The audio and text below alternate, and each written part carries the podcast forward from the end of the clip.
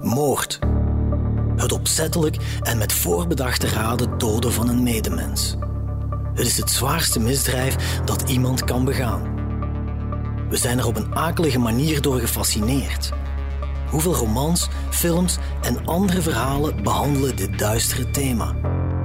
Helaas is moord niet altijd fictie. Integendeel.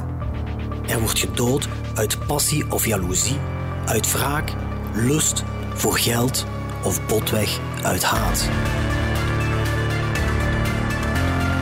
In deze reeks analyseren we verschillende ophefmakende Limburgse moorddossiers, van plaatsdelict tot veroordeling. En gaan we op zoek naar de motieven die in het verknipte hoofd van de dader zijn gruwel rechtvaardigen. Ik ben Geert op Teinde en dit is Van Moord tot Verdikt. De frituurmoord, deel 2. Fatale liefde. Jacques Roussard wordt op woensdagavond 12 juli 2006 kort voor middernacht in koele bloeden doodgeschoten. Op het koertje achter zijn frituur het Lekkerbekje in Mazeik. Eén welgemikt schot in het achterhoofd wordt de man fataal. Een moord die slechts door een bijzonder toevallige samenloop van omstandigheden werd ontdekt. De politie staat dan ook voor een moeilijke opdracht. Jackie, een 42-jarige beroepsmilitair en brandweerman, had geen vijanden. Integendeel, hij was een graag geziene man. Ook op die laatste avond in de frituur is er niks merkwaardigs gebeurd. Terwijl de speurders in de dagen na de moord meerdere pistes bewandelen, doen in Mazeik en omstreken al heel wat verhalen de ronde, vertelt Shaki's schoonzus Petra. Ja, sommige mensen hadden dan, uh, ik weet niet of ik het zo mag zeggen, maar hun noemden het zo Marokkanen zien lopen en die kregen weer de schuld. En daar hebben heel veel mensen uh, een stempel gekregen die er echt helemaal niks mee te maken hadden. Dus ja, dat vind ik best wel ook erg voor die mensen, zeg maar. Het klopt dat de speurders op dat moment alle mogelijkheden openhouden. Het kan een roofmoord zijn geweest.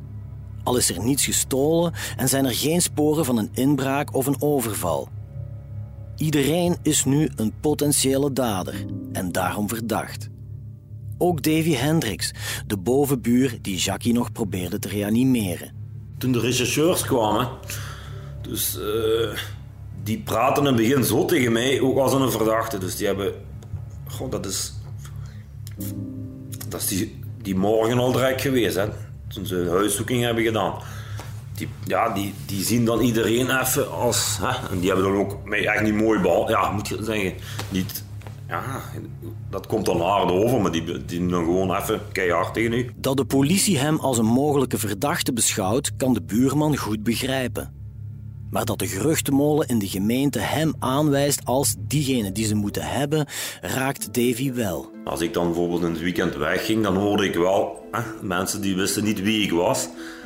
En die hoorde ik dan wel babbelen. Ah, ze moesten die, ja, die van daarboven hebben, ze hebben zich vergist. Die verhalen heb ik dan wel meegekregen. Ja. Ja, dit was toen buiten, ze waren sigaretten drogen. Hè. En, ja, daar hoorde ik dat toevallig. Ja, ik ben toen ook niet op die uitgevlogen, want ja, die wisten niet wie ik was. Dus ja, eigenlijk weinig nut heeft het. Hè. En als, als één het vertaalt, ja, kun je toch niet tegenhouden. Ja. En dan, ja, wordt uw naam dan slecht? Ja, ja, ergens wel. Dan moet je maar gewoon denken, weet je, de mensen die u echt kennen, die weten wel dat, dat het niet zo is. Hè. Dat moet je dan maar voor ogen houden. Weet je, ik kwam toch altijd maar op dezelfde plaats en die mensen, die, wisten hoe, hoe de een zat en wie ik was. Al snel is het voor de speurders duidelijk dat Davy niets met de moord te maken heeft. En ze richten hun pijlen op twee andere figuren die zelf de aandacht trekken. Manuela, de echtgenote van Jackie, en Matti, een gemeenschappelijke vriend van het koppel die meehielp in de frituur. Die twee lijken het zeer goed met elkaar te kunnen vinden. Vooral dat frituurhulp Matti zich zo thuis voelt in de woonst van Manuela, verbaast Jackie's schoonzus Petra en haar man Guido. Na het werk zeg maar, ben ik met Guido daar naartoe gegaan. En dan zie je Manuela echt de treurige weduwe. En heel veel verdriet. En, en, en dan loopt daar een man in huis die Guido en ik eigenlijk niet kunnen.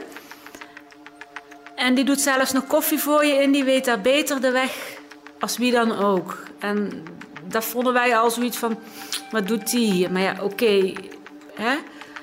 maar ik vond dat geen prettige man. Ik, ik, ik had er geen goed gevoel bij. En zo hebben we wel Mattie van de verkeerde kant uh, geleerd. Heel, heel... Ja... Als ik hem alleen tegen zou komen, zou ik er een straatje voor omlopen. Als hij zo tekeer ging, zeg maar. Ja. Ook andere mensen die Manuela gaan condoleren, merken dat Matti een dominante plaats in huis inneemt. Bovendien is het Matti die bepaalt wie naar de koffietafel na de begrafenis mag komen. Maar vreemd genoeg zijn hij zelf en Manuela daar niet aanwezig. In plaats daarvan kiezen ze ervoor om elders een hapje te gaan eten. Ook krijgt de politie van getuigen te horen dat er een paar dagen na Jacques' dood al een barbecue in de tuin was. Jackie is dan nog niet begraven, maar leek wel al helemaal vergeten. Geen normaal gedrag, oordeelt de politie. En alle alarmbellen gaan af. De speurders zoeken naarstig naar aanwijzingen voor de mogelijke betrokkenheid van Matti en Manuela. En dan duikt er een getuige op die het alibi van Matti weerlegt. Hij zou op de avond van de feiten gewoon thuis in zijn zetel naar tv hebben gekeken. Maar dat lijkt niet te kloppen, zo vertelt meester Zimmerman. En dan is er, dacht ik, een mevrouw geweest die hem de avond van de feiten, want hij had zogezegd een alibi, maar dat scheen dan niet te kloppen. Er is een, een mevrouw geweest die daar in de buurt woonde, die hem de avond van de feiten op een uur dat ongeveer klopte, heeft zien voorbijlopen. En dat klopte dan met de tijd die nodig was om in de frituur te geraken, zich te verbergen achter in de tuin. Matti komt dus steeds meer in het nauw. Maar ook Manuela blijft niet onbesproken. Want hoe Jacques' echtgenote de avond van de feiten reageerde en wat ze toen vooral niet deed, is op zijn zachtst gezegd bizar vertellen meester Zimmerman en buurman Davy. En Manuela zat ondertussen binnen te wachten. Er kwam niemand en in plaats van dan gewoon te gaan kijken, heeft zij zitten roepen. En dan is zij naar buiten gegaan en dan ja, lag hij daar uiteraard. En is onmiddellijk de buren gaan aanbellen. Om dan vervolgens naar voren te gaan, op straat, een sigaret te gaan staan roken tot de hulpdiensten aankwamen.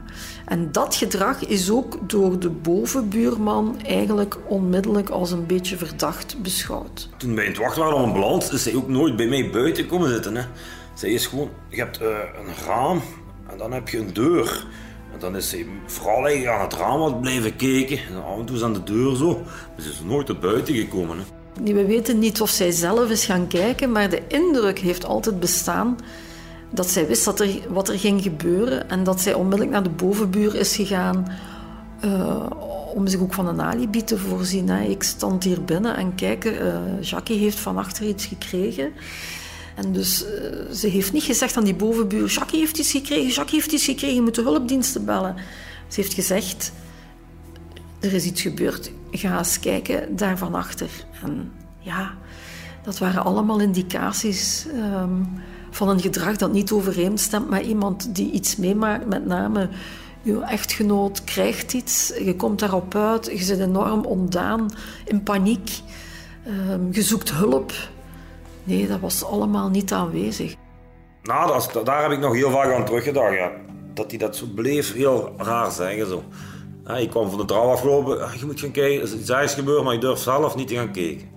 Dat heeft hij dan weer, nog, nog voor ik aan de deur was bij hun, zei hij dat weer. Hè? En ja, dan denk ik, tja, hoe weet jij dat er iets ergs gebeurd is hè, zonder te gaan kijken? Ook de ambulanciers die die fatale woensdagavond tevergeefs probeerden om Jackie te reanimeren, vertellen de politie later over het bijzondere gedrag van de weduwe de hulpdiensten zijn dan aangekomen en die zeiden ook dat het zo wat eigenaardig was, want ze waren al te ver gereden en ze deed geen teken van hier moet je stoppen, hier moet je stoppen. Nee, ze zat gewoon op de vensterbank een sigaretje te, te roken, liet de hulpdiensten doorrijden, tot de vaststelling komen dat ze te ver waren, dan achteruit rijden om dan te vragen, moeten wij bij u zijn mevrouw? En die zijn dan binnengegaan en hebben zich dan om dat lichaam bekommerd, terwijl Manuela dat op geen enkel moment gelijkt gedaan te hebben. En al die elementen samen zijn dan beginnen wijzen in de richting van uh, Manuela en Matti. Het ultieme, zij het indirecte bewijs, komt er wanneer de onderzoekers ontdekken dat Matti en Manuela een relatie hebben, al zullen ze dat zelf nog maandenlang ontkennen. Ja, en dan bleek dat er een relatie was. En ja, dan kwam er ook een motief. Het motief was dan de echtgenoot uit de weg ruimen. En uh, het vermogen opstrijken. Hè? Dat is dan de woning die eigendom was. En dan waren er ook nog wat spaarproducten en een kleine levensverzekering. Dat ging dan allemaal helpen. En uh, ja, zo vallen dan alle stukjes in een plooi. En dan is er wel geen direct bewijs. Maar kijk, indirect bewijs kan ook voldoende zijn.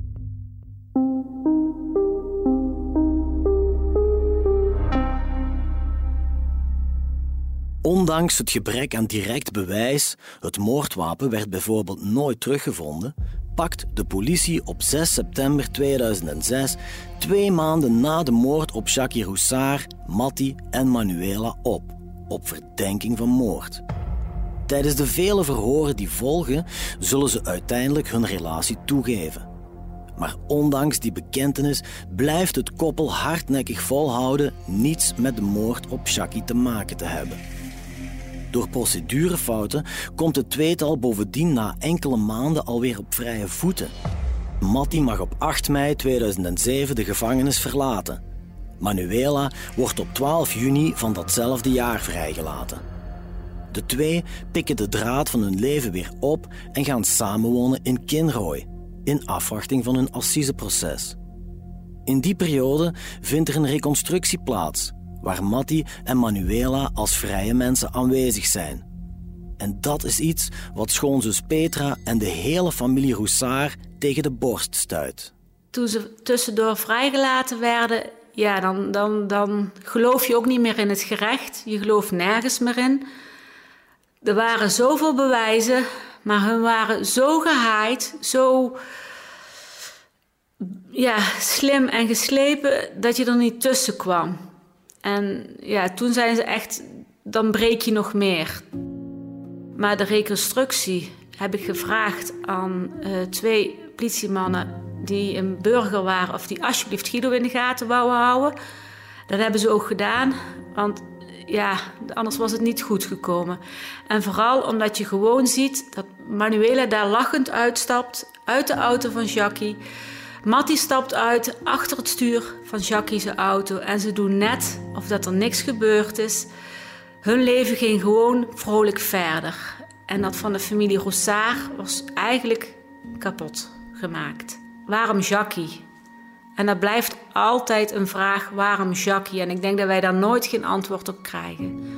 Dus die tijd tussen de moord en de assise was voor ons echt, echt, ja, daar zijn we een paar jaar tijd ouder geworden.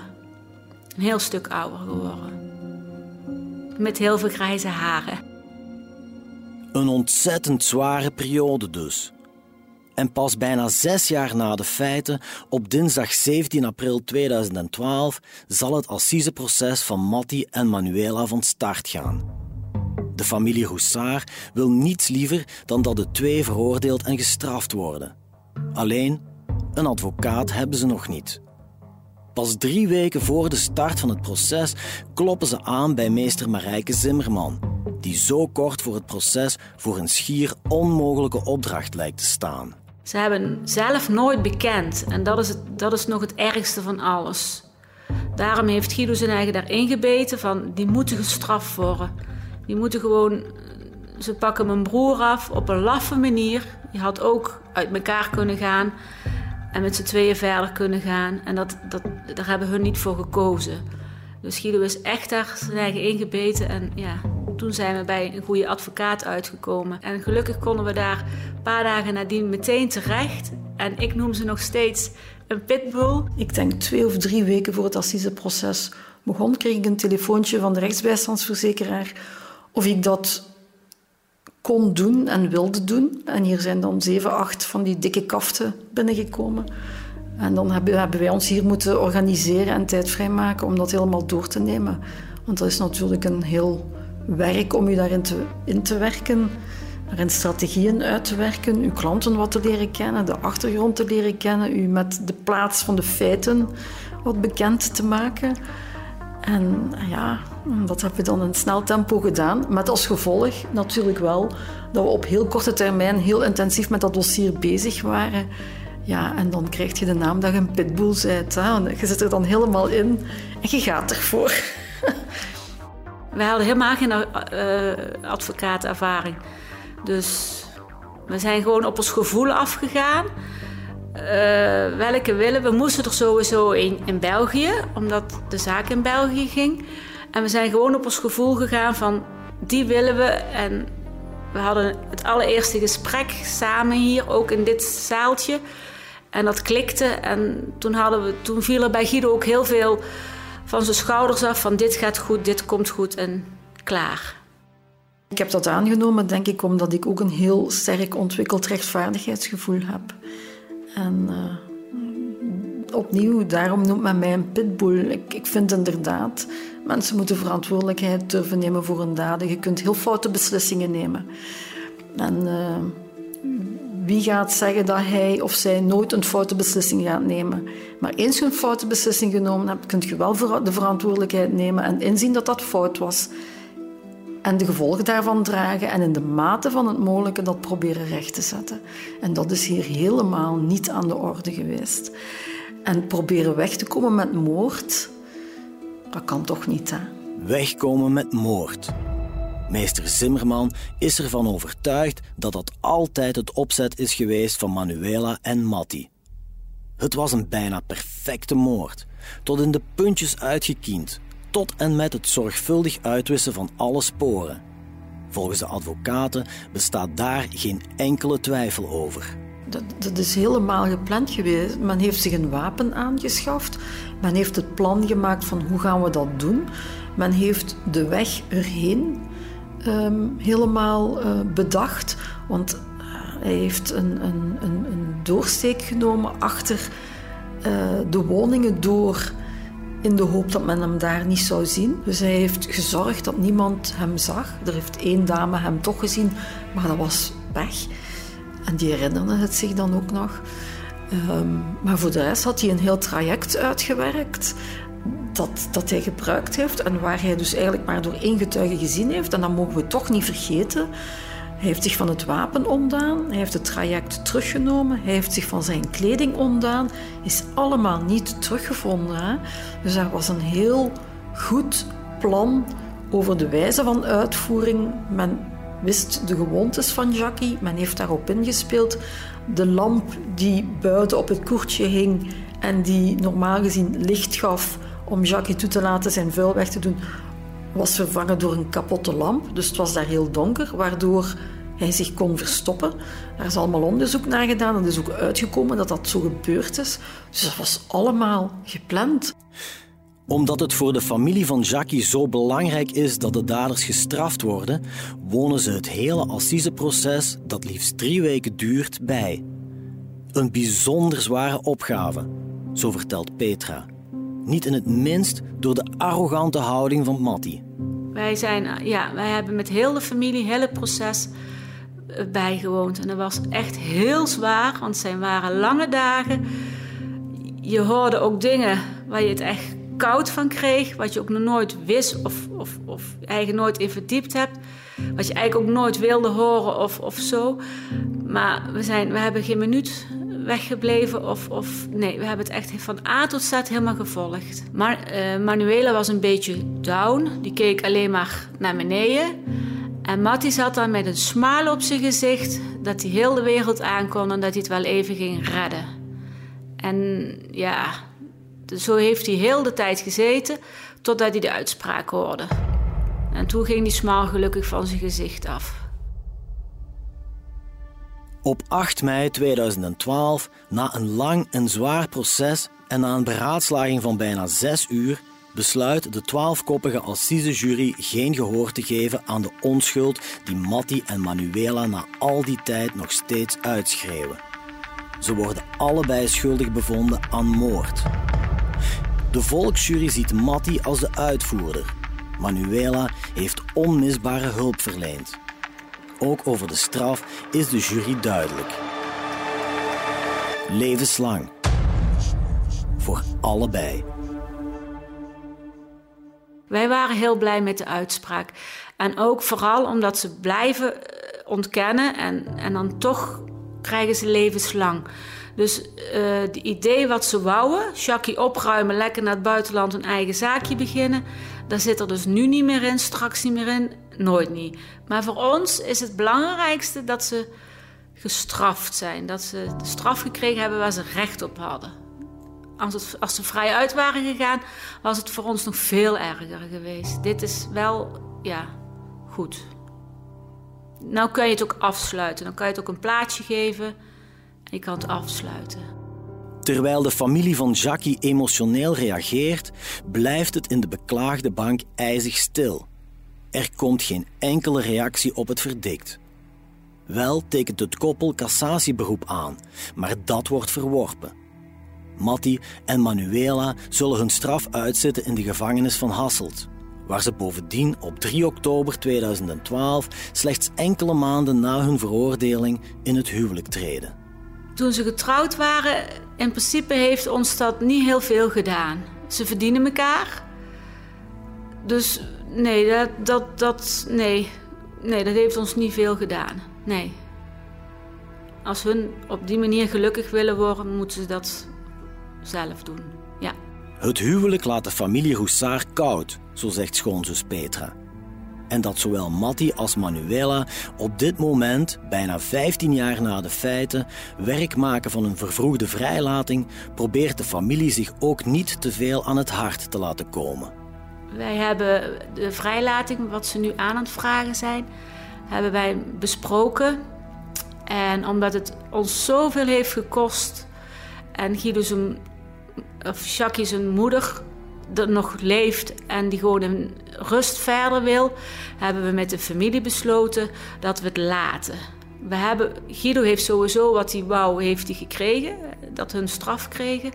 Nu laten we het. Maar als ze ons met rust laten, vinden wij het allemaal goed. En als ze hun doen wat hun willen, is het ook klaar. Als ze ons maar wel met rust laten. Hoe moeilijk het ook is, de familie, vrienden en collega's van Jackie hebben het hoofdstuk van de frituurmoord afgesloten en hun leven weer opgepikt. Ook advocaat Marijke Zimmerman, voor wie dit de laatste assisezaak was, kijkt vooruit. Maar nooit zal ze vergeten met wat voor onwaarschijnlijk toeval deze bijna perfecte moord ontdekt is geweest en hoe anders het leven van alle betrokkenen eruit had kunnen zien op een haar na de perfecte moord. Stel u voor, man was gewoon afgevoerd naar het funerarium, s'avonds laat, hè, zonder een dag zou die gefatsoeneerd zijn geweest. Ja, dan zou daar geen politie aan te pas zijn gekomen. Hè. Die man zou gewoon begraven zijn geweest. En binnen de kortste keren had Manuela een nieuwe relatie. En ze zouden zijn gaan samenwonen. En ze heeft dan troost gezocht voor haar verdriet. En zou allemaal in de chacoche, zeggen ze bij ons, gekomen zijn. Ja. Het heeft een haar geschild. We contacteerden ook de advocaten van Manuela en Matti, maar zij gaven te kennen dat ze het koppel niet langer vertegenwoordigen. U luisterde naar Van Moord tot Verdikt, een true crime reeks van HBVL Podcast. Samenstelling door Geert op Teinde, Nancy van den Broek, Philippe Perges en coördinator Cato Poelmans. Montage en audioproductie door Wart Houbrechts. Chef podcast is Geert Nies. Reageren? Dat kan via podcast@hetbelangvanlimburg.be. Ben je nog geen abonnee? Surf naar aboshop.hbvl.be en kies je leesformule.